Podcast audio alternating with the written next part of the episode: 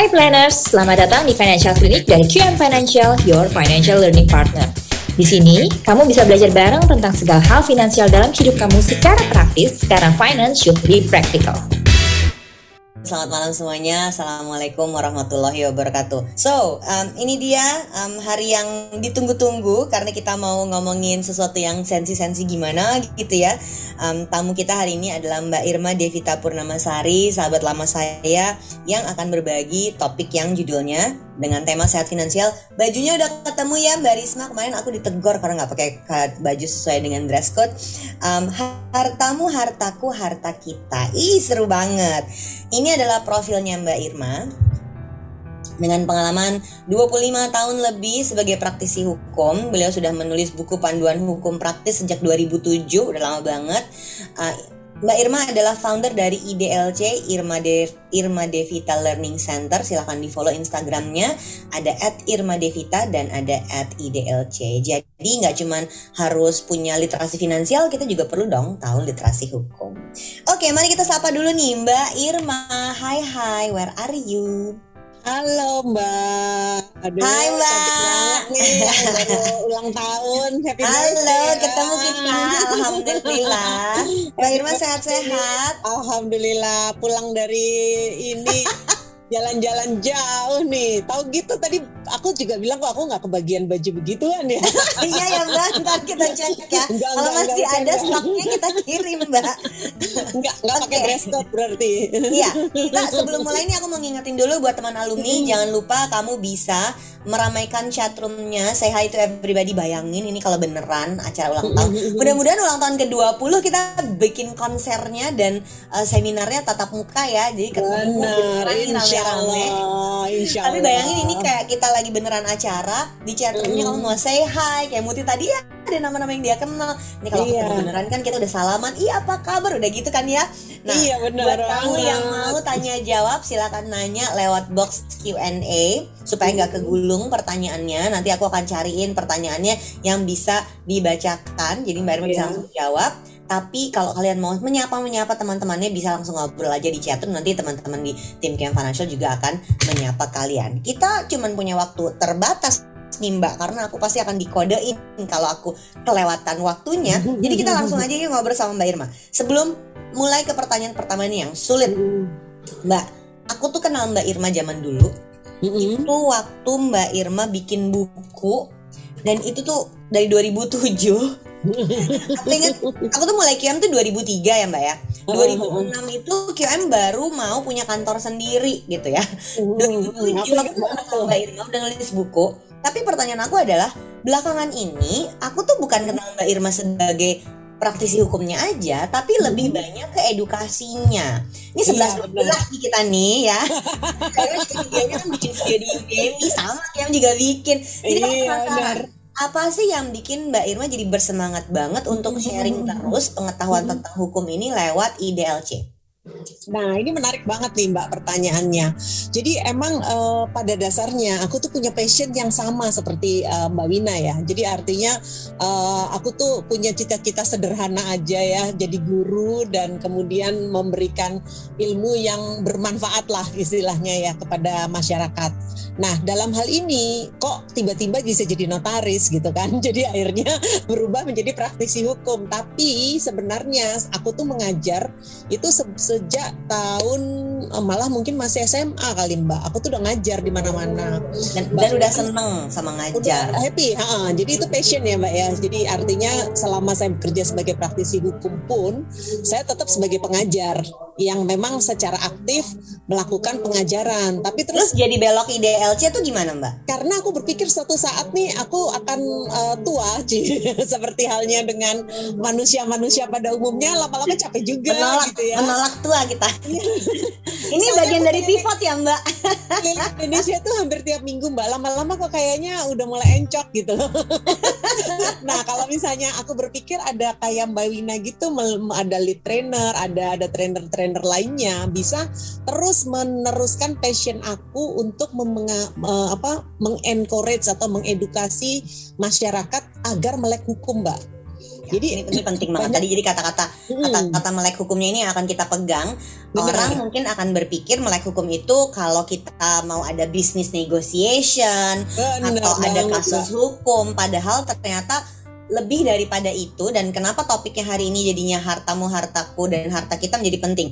Mbak, nih em, aku mau bahas ini nih. Udah lama banget kita udah udah WhatsAppan udah lama mau bahas ini terus nggak kejadian-kejadian akhirnya ayo Mbak kita jadiin ini aja webinar aja. Kita udah udah lama banget pengen bahas tentang perjanjian pisah harta nih sama Iya Mbak benar Irma. banget.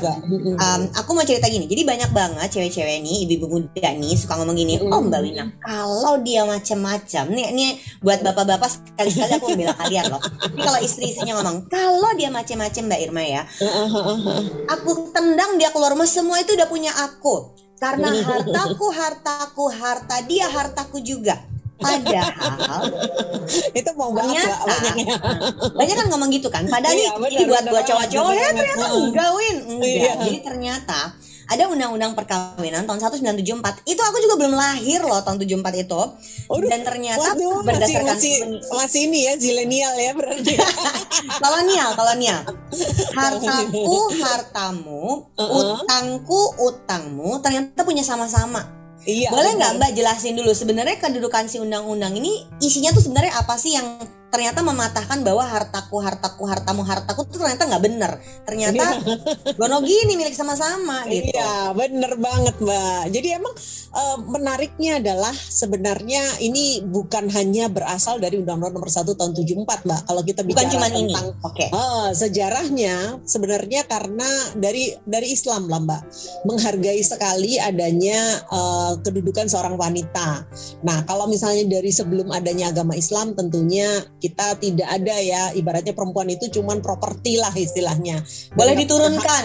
Iya lakinya meninggal bininya boleh diwariskan. Zaman dulu kan gitu jadi bener iya banget, bener banget. Nah itulah yang akhirnya eh, di Undang-Undang Nomor 1 Tahun 74 ini sebenarnya mengatur banyak sekali hak-hak wanita terkait juga tentang kesetaraan dengan eh, pria. Jadi sebenarnya dia adalah Undang-Undang Nomor 1 Tahun 74 ini tentang perkawinan, Mbak.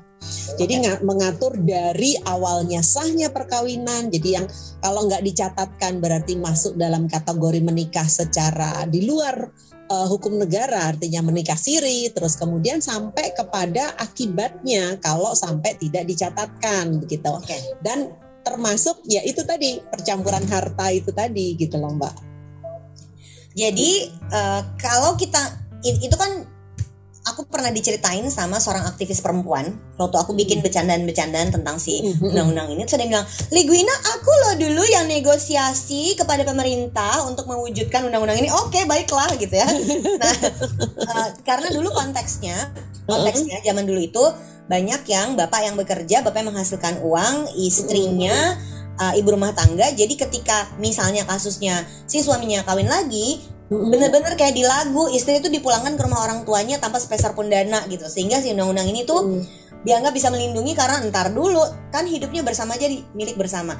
Kejadiannya sekarang kan Hmm. perempuan juga udah bekerja laki-laki juga ada yang nggak bekerja jadi akhirnya ada yang nggak mau milik sama-sama pengen punya sendiri-sendiri. Sebetulnya apa sih si perjanjian hukum yang bisa kita lakukan untuk kemudian bilang nggak mau ikut sama undang-undang itu. Kita mau, mau atur sendiri. Itu sebenarnya apa mbak? Nah itu dia Mbak. Jadi karena pada prinsipnya sebenarnya itu kan eh, ketika terjadi perkawinan kembali lagi ini tidak hanya terjadi pada waktu Undang-Undang Nomor 1 Tahun 74 karena hukum adat kita sebenarnya juga punya aturan yang menyatakan mengenai kepemilikan secara bersama-sama. oke Tapi kalau memang para pihak atau pasangan tersebut eh, merasa, aduh enggak deh, pokoknya daripada nanti kalau ada apa-apa, ntar gue masalah gitu kan. Mendingan ya udah kalau gitu dari awal kita bikin perjanjian sebelum perkawinan pisah harta atau yang kadang-kadang dikenal sebagai prenuptial agreement gitu. Nah Oke. terus sekarang eh, kalau dulu begitu kawin terlambat gitu kan, udah nggak nggak bikin Ya, ya. aku- terlambat, Aku gitu. tahun ini tuh udah menikah alhamdulillah 21 tahun. Aku baru tahu tentang yang disebut perjanjian pranikah itu di ulang tahun perkawinan tahun, tahun ke-6.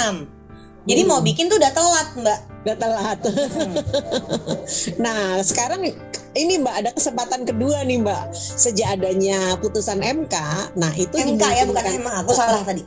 MK ya. ya putusan Mahkamah Konstitusi itu yang di tahun 2015 memungkinkan untuk dibuat suatu perjanjian yang disebut post nuptial agreement atau perjanjian pasca perkawinan.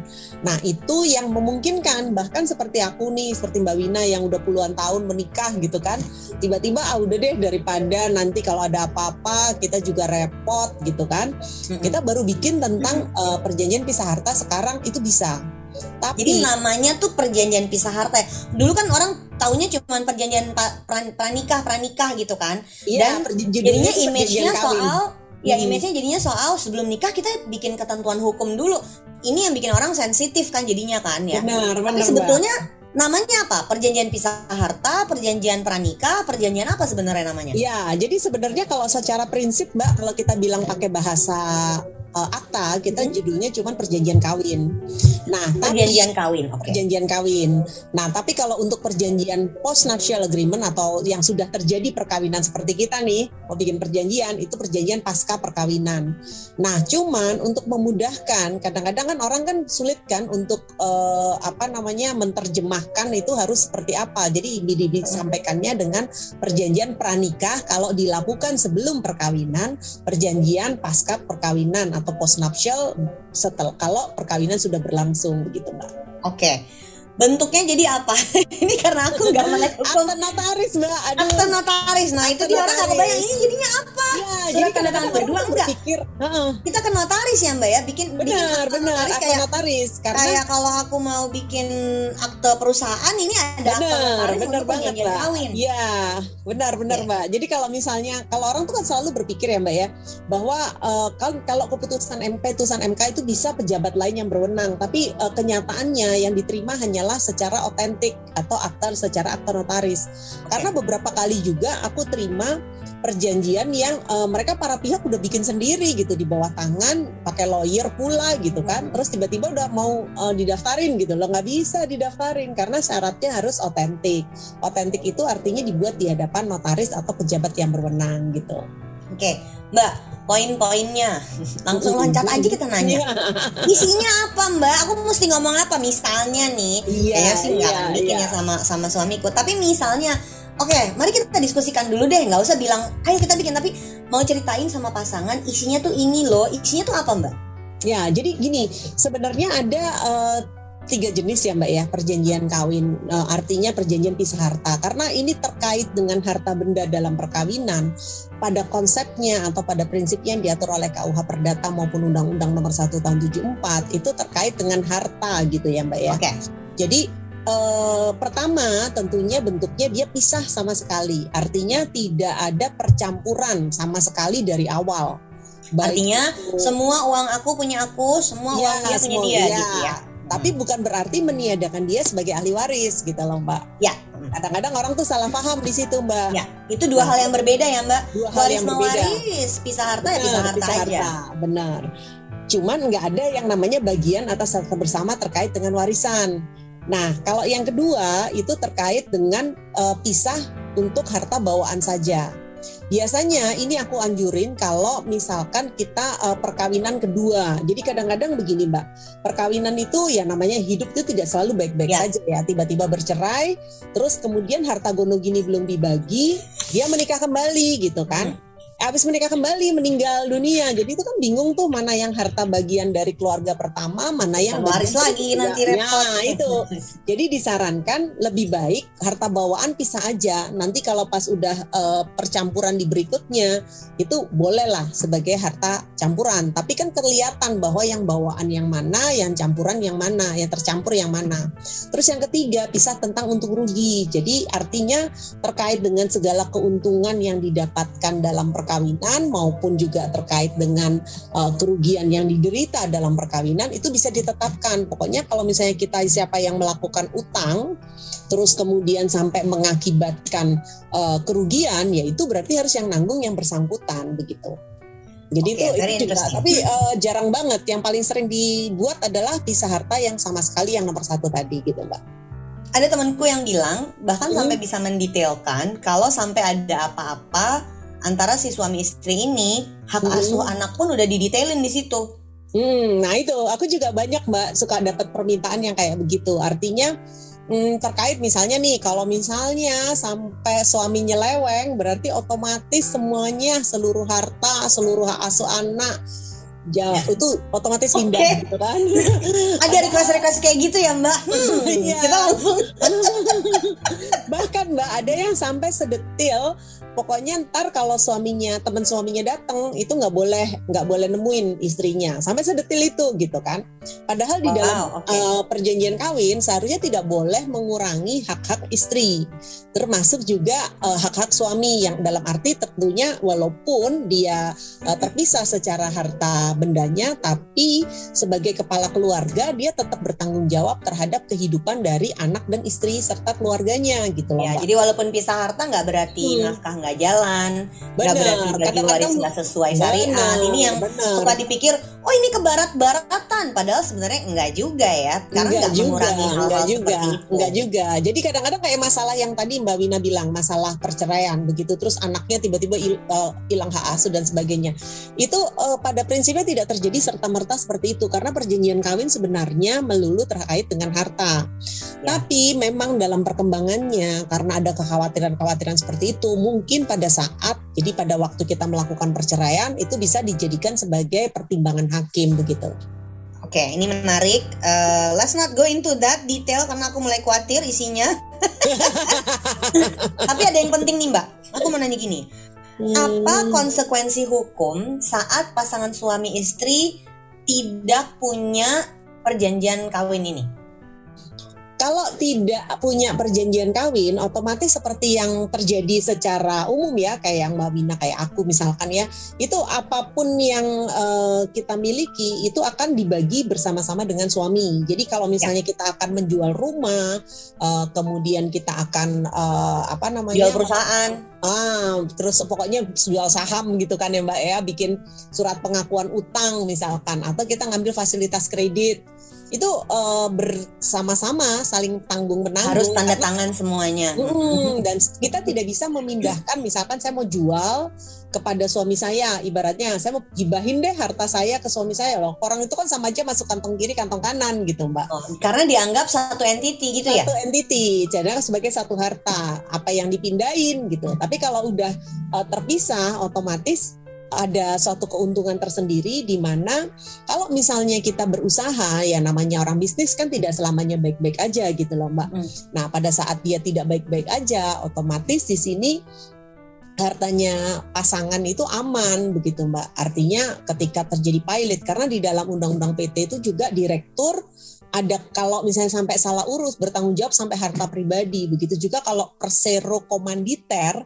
di dalam sebuah persero dalam sebuah CV dan kemudian dia sebagai direktur dia tanggung jawabnya sampai harta pribadi gitu loh mbak Oke, jadi ada urusan utang dan aset perusahaan yang terseret antara suami sama istri. betul Sebaliknya betul. Mbak, apa konsekuensi hukumnya pada saat kita punya perjanjian pisah harta? Aku pernah dengar berarti kalau mau apply KPR nggak bisa pakai berdua nih. Oh iya, kalau misalnya ka- apply KPR ya berarti atas nama yang bersangkutan aja, nggak perlu persetujuan dari pasangan begitu. Tapi bisa belinya bareng nggak jadinya? Kan kan misalnya apply Mhm. KPR ya gaji bersama gitu kan yang kita tunjukin ke banknya gitu. Mhm, Kalau mhm. dia tidak kalau dia punya perjanjian pisah harta ini apakah masih Ya, bisa? berarti terpisah kan mbak? Berarti kan dia terpisah ya. Oh, Oke, Kecuali- itu ada kelemahannya juga ya berarti Nah, ya. ya. Kecuali kalau misalkan Mbak mau beli sesuatu dengan nama berdua begitu. Tapi kan I jarang see. kalau KPR KPR itu dilakukan dengan dua nama. Biasanya siapa nih yang tanggung KPR jawab? biasanya satu At- nama, iya. Satu nama Beli propertinya boleh dua nama, tapi KPR-nya Iya, satu nama. benar, benar begitu Mbak. Nah itu yang nggak nggak pernah sih aku ngalamin kecuali kalau ada yang namanya kalau di di bank asing sih pernah borrower sama co-borrower gitu istilahnya. Tapi oh, kalau oke. bank Jadi harus dilihat lagi ketentuannya, bisa borrower Iya, sama benar. borrower. Oke. Iya betul Mbak. Very interesting. Oke, step-stepnya nih Mbak. Udah mulai banyak yang pertanyaan panas nih kayaknya mulai nih ya. Teman-teman alumni ini udah mulai, hmm kita harus cari tahu lebih banyak tentang perjanjian ini. Aku nggak punya ya perjanjiannya. Mbak Irma bikin nggak? Biasanya orang hukum pada bikin. Iya, rata-rata sih memang kita ya apalagi memang pekerjaan saya ya Mbak ya. Jadi kan eh, kita buat tapi saya sorry banget tadi nggak nyiapin Jadi kaget juga pas oh iya ya tadi harus nyiapin lupa ya. masih harus Gak apa-apa dulu. Pointersnya aja misalnya. Oh iya oke mau pointersnya. bikin, uh, ada misalnya yang baru mau nikah nih, nih banyak yang masih muda-muda nih, baru mau nikah nih. Um, setelah nonton acara ini, eh kita cari tahu dulu yuk apa sih isinya, step by stepnya mesti ngapain. Um, ada yang bilang pergi dulu ke notaris untuk mendiskusikan isinya, Ya, habis itu betul. baru pergi, eh sorry, pergi ke lawyer dulu untuk mendiskusikan isinya, mau kayak apa, biar dibikinin kayak draft, baru pergi ke notaris. Dua fungsi ini boleh dijelasin nggak mbak? Bukan untuk membanding-bandingkan ya, karena aku tahu mbak Irma notaris, tapi kan lebih ke biar kita tuh ngerti melek hukum karena banyak banget orang tuh yang nggak tahu ada lawyer, ada notaris, Notaris, ya. kayak ada dokter anak, ada dokter jantung gitu, dua-duanya orang betul. medis tapi beda ilmu gitu. Benar Tolong jelasin nggak ke- kepada kami yang tidak melek hukum ini? Iya, iya. Jadi gini Mbak, pada prinsipnya sebenarnya langsung ke notaris itu eh, bisa. Bisa bisa Tapi aja ya. kalau bisa, jadi karena kita sendiri memang itu yang bisa mengeksekusi itu notaris gitu Mbak. Mm-mm. Nah, tapi kalau memang merasa bahwa percaya dengan seorang lawyer, jadi kadang-kadang gini, lawyer minded itu sebenarnya kebiasaan dari kita kuliah di luar negeri, Ya. karena perbedaan antara fungsi dari public notary dalam arti common law ya seperti di Amerika, di Australia begitu ya Mbak ya. Public notary itu tugasnya ngecap-ngecap doang gitu loh Ya Mbak. betul. Nah, sedangkan kami yang civil law notary kita civil law, iya. Civil law notary itu benar-benar kita yang pejabat, kita yang mengeksekusi, kita yang uh, mensahkan suatu perjanjian dan menyatakan. Jadi agak beda konsep ya dengan yang konsep. law. Kalau di Nah, sedangkan law, kita oke. ini bisa juga ngedraft, kita juga bisa uh, melakukan diskusi dan sebagainya. Tapi kalau memang nyaman dengan uh, pergi ke lawyer dulu, baru kemudian berdiskusi dengan notaris, ya boleh saja. Cuman berarti ada Nggak dua step ya. yang dijalankan begitu. Mbak. Nanti tuh biasanya lawyer maupun notaris udah punya draftnya mbak Atau kita Ya. yang harus datang dengan detail Aku mau isinya begini Atau apakah ada ketentuan isinya harus kayak apa? Ya sudah ada draftnya Mbak pastinya karena kan ada ada bakunya ya kalau kalaupun eh, suatu perjanjian yang pisah harta seluruhnya berarti ini apa eh, konsepnya berarti ada konsepnya 1 2 3 4 misalkan. Nah, tapi kalau misalnya untuk pisah harta bawaan konsepnya 1 2 3 4 tapi di dalam isinya bisa kita bicarakan begitu. Oh, saya nggak mau nih misalkan nanti kalau misalkan nanti akan akan berkonsultasi bisa jadi Uh, terus kemudian oh kita mau adakan saya nggak mau kasih ke anak saya karena anak saya boros. Nanti kasihnya buat cucu aja deh istilahnya kan itu warisan lompat tangan gitu kan mbak. Padahal di Indonesia ini nggak boleh adanya uh, Oh, suatu oke. suatu Jadi nggak bisa ngarang-ngarang gitu boleh kalau melanggar terlalu ngarang banget. ya, karena kan Mbak. udah ada pattern dalam undang-undang gitu mbak. Kalaupun boleh mungkin variasi tambahan-tambahan tapi eh, tambahannya pun juga nggak boleh melenceng dari apa yang diperjanjikan da- eh, sesuai dengan koridor undang-undang gitu. Ih seru banget kan ngomongin hukum. Malam-malam apaan ini Ligwina aduh. Itu tadi kalau ini pasangan baru mau menikah sehingga Hmm. sebelum menikah mereka bikin perjanjian pranikah. Iya. Untuk yang udah kadaluarsa begini kalau misalnya memutuskan eh kita bikin yuk perjanjian pasca nikah. Mm-mm. Nah, waktu kita bikin perjanjian pasca nikah itu teknisnya apa yang berbeda dengan perjanjian pranikah Teknisnya yang pertama adalah tentunya eh, kita harus menginventarisir harta apa yang sudah kita miliki gitu loh Mbak. Karena kan beda ya kita datang dengan 00 terus Ya. kemudian kita datang yang udah punya aset, udah beli rumah, udah dan bareng rumah. tadinya kan Iya bareng. Terus kemudian kita udah ngambil KPR misalkan di seseorang gitu kan, kita udah ngambil eh, ut- bikin utang di utang utang Ya. usaha lah ya, utang bisnis gitu kan. Nah terus gimana nih caranya ki- kita tiba-tiba mau lakukan pemisahan gitu kan Mbak. Nah untuk itu kita sebaiknya kita inventarisir. Jadi inventarisir mana yang dibeli sebelum ditandatanganinya perjanjian dengan dengan eh, mana yang mau akan dibeli nantinya. Jadi Oke. kalau misalnya saya termasuk jadi memang secara se- dalam putusan Mahkamah Konstitusi itu disebutkan bahwa dapat berlaku surut. Tapi pada dasarnya kalau pendapat saya pribadi undang-undang itu tidak bisa berlaku surut begitu. Sehingga eh, saya harus membuat suatu batas tegas di mana kalau sebelum ditandatanganinya perjanjian kawin otomatis di situ eh, hartanya masih dianggap tercampur. Jangan sampai merugikan kepada pihak ketiga begitu. Jangan sampai nih tiba-tiba uh, saya taunya Mbak Wina uh, eh, ibaratnya ngasih fasilitas sama Mbak Wina terus Mbak Wina bilang eh itu bukan tanggung jawab saya itu tanggung jawabnya so itu suami saya karena berpisah harta. Lo nggak ya, bisa ya, kan gitu kan? makanya nggak nggak sulit ngomong itu berlaku surut tapi Betul. udah gitu perjanjiannya cukup ke notaris aja apa harus ada kayak keputusan pengadilan atau gimana mbak uh, ke notaris aja mbak tapi nanti dari situ didaftarkan di catatan sipil begitu atau tempat di mana uh, perkawinannya dicatatkan jadi nanti akan dicatatkan Baik. di dalam buku nikahnya lagi gitu. oh gitu. itu tuh hmm. masuk ke dalam buku nikah jadinya hmm. kayak gini hmm. karena kan nggak harus pergi ke pengadilan dan hakim ketok palu kayaknya zaman dulu mesti bikin kayak gitu oh itu lain itu lain kalau misalkan prenuptial agreement tapi terlambat didaftar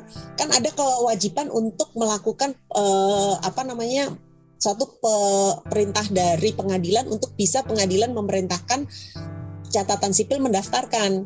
Nah, kalau sekarang emang boleh gitu loh dibuat setelah perkawinan berlangsung, tapi itu tetap harus memenuhi unsur publisitas kepada pihak ketiga. Jadi kalau tidak didaftarkan itu hanya mengak, apa, mengikat bagi kedua belah pihak seperti halnya dengan perjanjian biasa gitu. Sebetulnya aku masih punya lima menit untuk bisa hmm. aku ngomong sendiri aja sama Mbak Irma.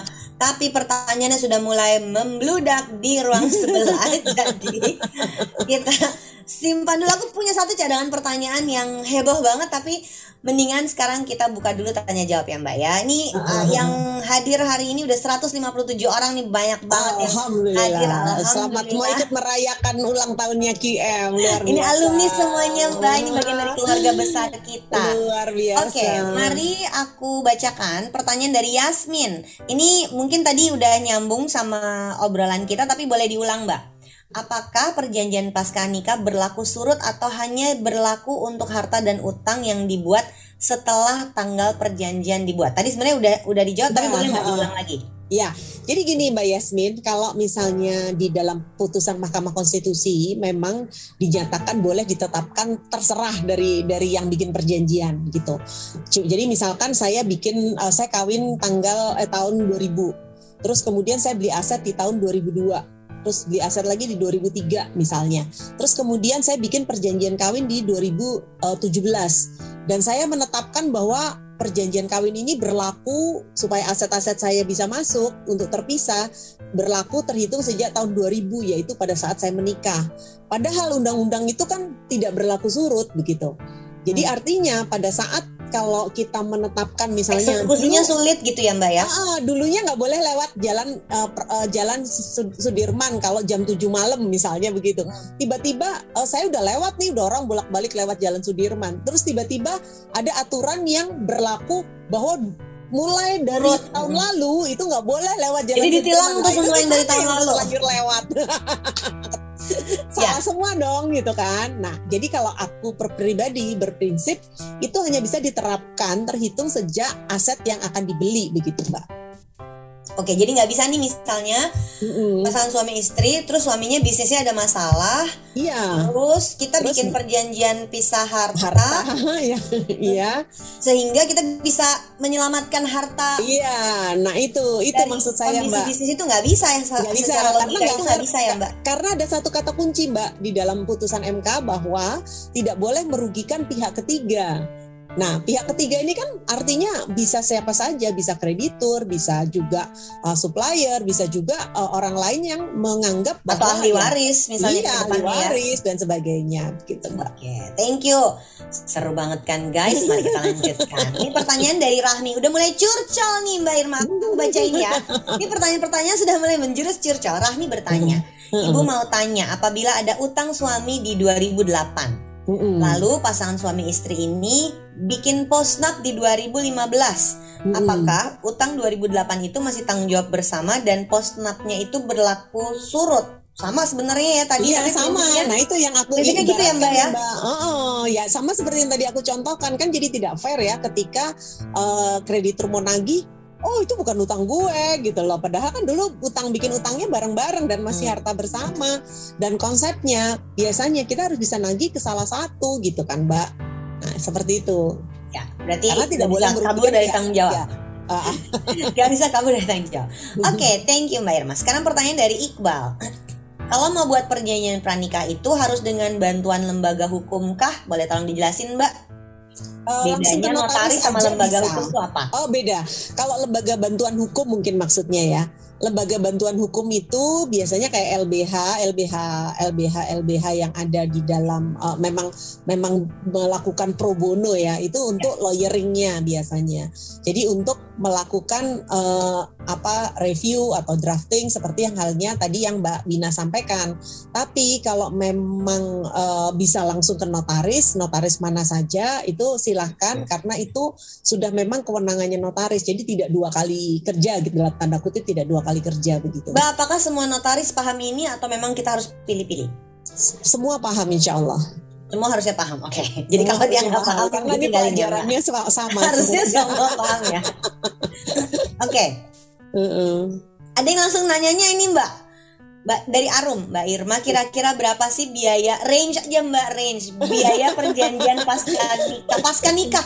Nanyanya udah pasca nikah Mbak udah bukan pranikah langsung. Veteran kayaknya Arum.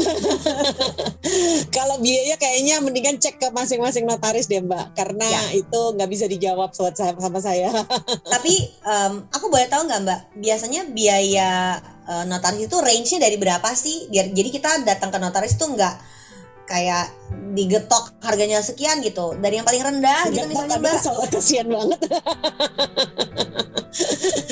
Enggak, enggak ini sih mbak sangat bervariasi ya. Beda-beda memang ya? beda-beda beda-beda. Sama seperti lawyer ya. Kan lawyer itu sendiri okay. kan seperti itu masalah jam terbang masalah masalah kualitas dan masalah ya banyak hal lah dan artinya kan pengalaman si notaris ini juga akan menentukan betul, dia mau betul. charge berapa gitu ya. Oke, okay, betul, betul. Dan juga resiko biasanya, resikonya berapa banyak. Ah, I see. Itu nggak Karena ada ya, resiko juga. Ya, karena okay, notaris ini, itu Mbak kayak ya. orang kita duduk di bom waktu gitu loh Mbak. Jadi orang tuh berpikir kalau kalau jualan barang kan garansi paling lama tiga tahun ya. Mm-hmm. Kalau misalnya jadi notaris tuh begitu tanda tangan langsung dia sampai dia mati bertanggung tanggung jawab. Iya, begitu sudah meninggal terus. Pun, ya mengikat terus dan bahkan sudah meninggal pun masih disebut-sebut dibuat di hadapan notaris Dikwina Hananto begitu. Misalnya seperti itu. Okay. almarhum gitu. Sampai kayak gitu ya mbak? Sampai kayak sampai gitu. kayak begitu ya. Karena kan kita berkaitan dengan banyak hal begitu. Ya. Ini pertanyaan dari Delta. Kalau harta kita, kita dapatnya dari orang tua sebagai hadiah hmm. atau warisan waktu mau menikah itu tetap jadi harta kita kan Mbak, tidak masuk harta gono gini. Ini yeah. pertanyaan yang wajar banget dan pasti banyak yang menanyakan nih Mbak. Benar, Mbak. Jadi gini, ini memang uh, banyak sekali yang merasa khawatir ya terkait dengan hal ini. Sebenarnya kalau kita bicara dengan pasal 119 KUH Perdata, jadi dibagi dulu zaman dulu banget zaman kita dijajah waktu Belanda masih ada, itu ada pasal 131 IS di mana penduduk Indonesia ini dibagi dalam berbagai golongan. Nah, otomatis di sini ada yang ketentuan yang harus ditetapkan kepada warga negara golongan Tionghoa dan Timur Asing. Beda dengan pribumi. Nah, makanya kenapa di dalam Undang-Undang Nomor 1 Tahun 74 itu mengkodifikasi aturan-aturan itu. Tapi di dalam praktek masih banyak yang menganggap bahwa kalau udah eh, nggak uh, pakai pisah harta, semua harta yang diperoleh itu otomatis tercampur. Padahal di dalam Undang-Undang Nomor 1 Tahun 74 begitu uh, tidak dibuatkan suatu pisah harta pun tapi kalau itu berasal dari warisan, berasal dari pemberian atau kita sendiri. itu punya kita sendiri gitu, Mbak. Jadi nggak usah khawatir. Salah paham. Mm. Ya.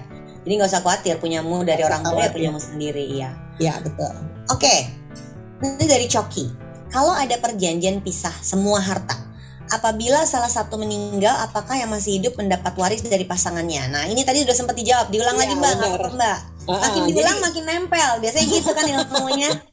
Iya iya iya. Memang kalau dalam dalam online ini memang harus ada sedikit pengulangan pengulangan karena memang susah ya mbak ya di ya, susah fokus nggak apa-apa. Benar benar. Jadi gini kalau misalkan kita uh, jelas saya jelaskan lagi bahwa bisa harta itu tidak mengakibatkan seseorang kehilangan hak waris bahasa bahasa gampangnya walaupun pisah harta tetap sebagai ahli waris. Yang di yang hilang adalah harta bersamanya. Jadi sebagai contoh misalkan semula seorang pasangan yang uh, hidup terlama, contohnya suaminya meninggal, terus masih ada istrinya, dia masih dapat setengah bagian dulu dari harta yang 100%. Ini kalau ada yang udah ikut kelas waris ingat nih. dapat 50%. Nah, yang 50% tadi itulah yang diwariskan. Tapi kalau dia bukan dia dia menggunakan pisah harta, otomatis langsung dibagi antara istri dan anak-anak dengan kedudukan atau porsi yang sama.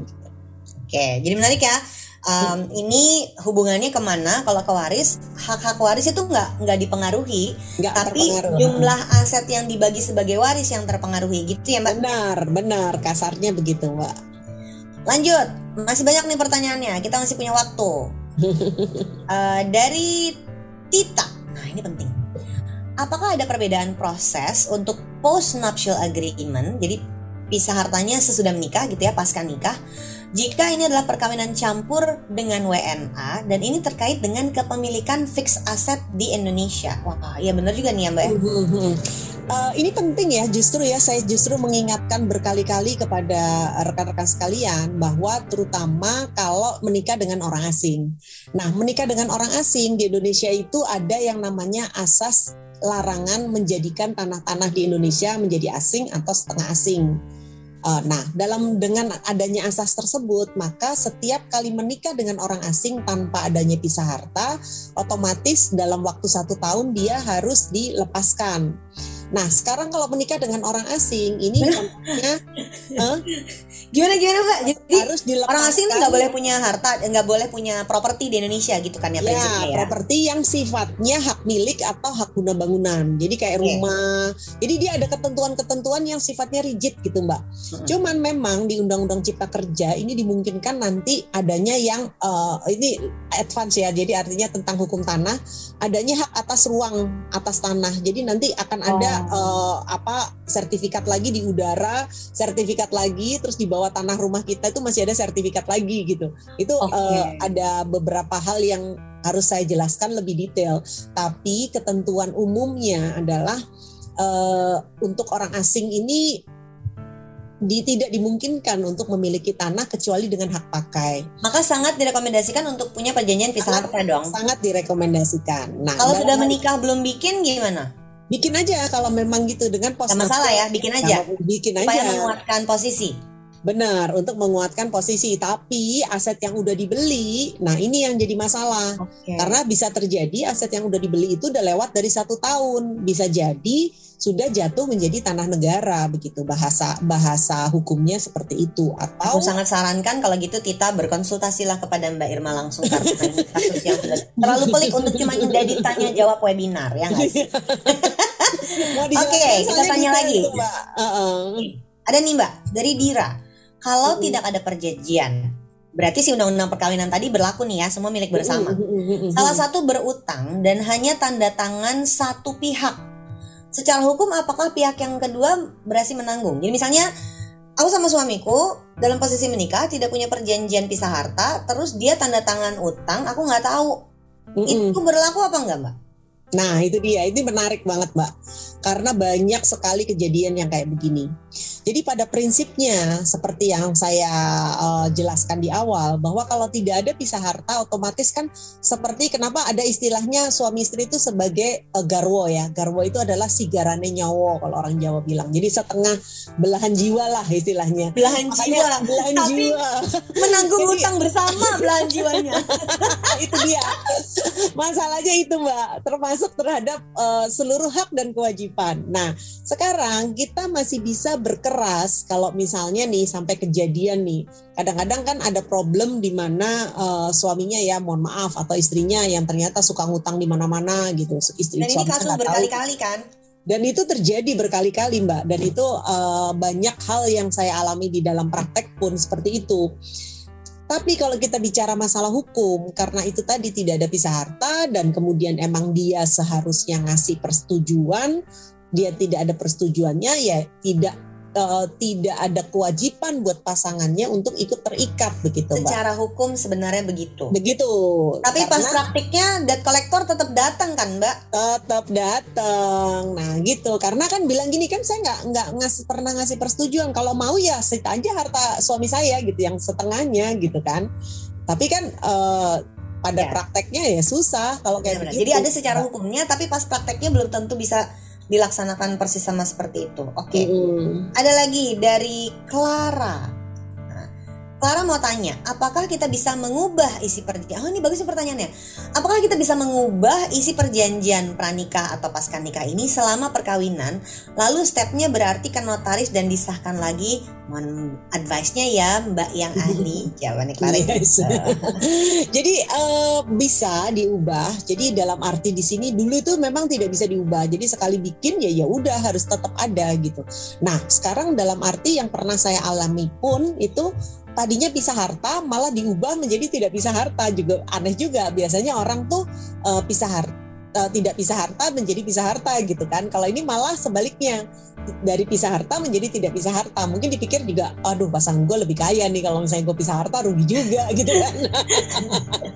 Nah itu bisa dilakukan dengan kembali lagi ketentuannya tidak boleh merugikan pihak ketiga. Otomatis di situ sebelum ditandatanganinya perubahan tadi mereka harus tetap dianggap sesuai dengan perjanjian yang sebelumnya tapi kalau peristiwa hukumnya terjadi setelah ditandatanganinya perjanjian, maka e, berlakunya terhadap para pihak ya setelah peristiwa hukum itu terjadi, gitu, setelah perjanjian ini. Jadi ada ada garis tegasnya gitu loh Mbak. Baru didaftarkan ke catatan sipil atau di mana dia menikah gitu. Oke, ini mungkin buat teman-teman sama kayak aku, kepala tuh kayak yang gitu gak sih? Hmm, pusing. Tapi itu katanya aku, gitu. Itu aku kalau hitung-hitungan, Mbak. gitu ya, Mbak ya. Ini Mbak Irma kalau udah ngomongin finance gitu gantian ya. Jadi emang katanya gitu Mbak, proses belajar tuh gitu.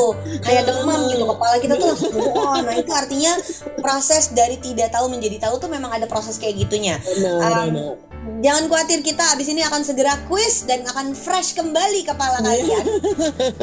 Belum aku ngambil kesimpulan, aku mau ngasih satu pertanyaan bonus buat Mbak Irma. Ini tuh sering banget aku ketemu curhatan teman-teman. Mm-hmm, mm-hmm. Sering banget. Uh, menurut aku secara hukum cukup clear, tapi mari kita tanyakan pada ahlinya gitu ya Mbak ya. Nah ini pertanyaan ini, ini banyak yang nanya. Kalau sebelum menikah pasangan kita punya utang mm-hmm. atau ortunya pasangan kita punya utang sesudah nikah apakah auto jadi kewajiban bersama? Nah, itu dia Mbak, itu menarik banget. Seperti yang saya sampaikan saya sampaikan di awal tadi bahwa setiap kali terjadi perkawinan pada prinsipnya susah senang itu ditanggung bersama. Prinsipnya kan seperti itu. Makanya kenapa uh, aku nggak mau suruh bayar utang orang.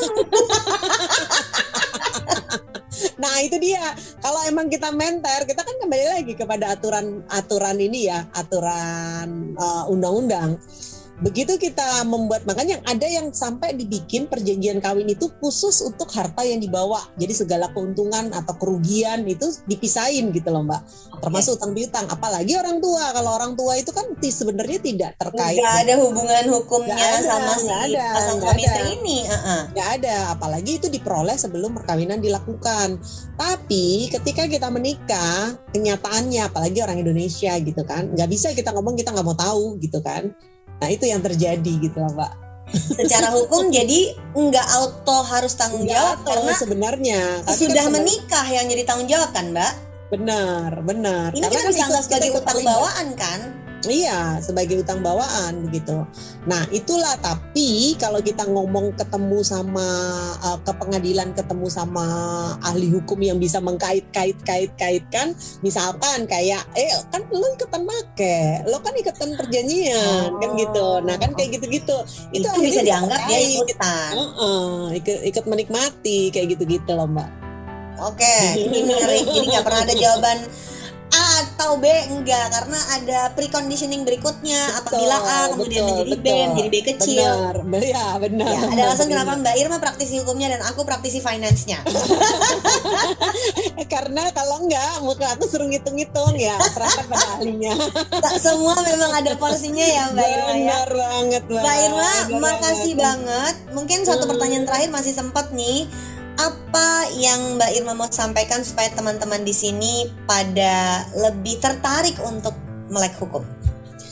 Jadi gini, eh, rekan-rekan sekalian, terima kasih waktunya Mbak Wina. Jadi eh, rekan-rekan sekalian, eh, para alumni dari QM Finansial, suatu hukum itu jangan dipandang sebagai seperti yang tadi Mbak Wina sampaikan, hanya kalau kita butuh atau nanti kita berperkara saja.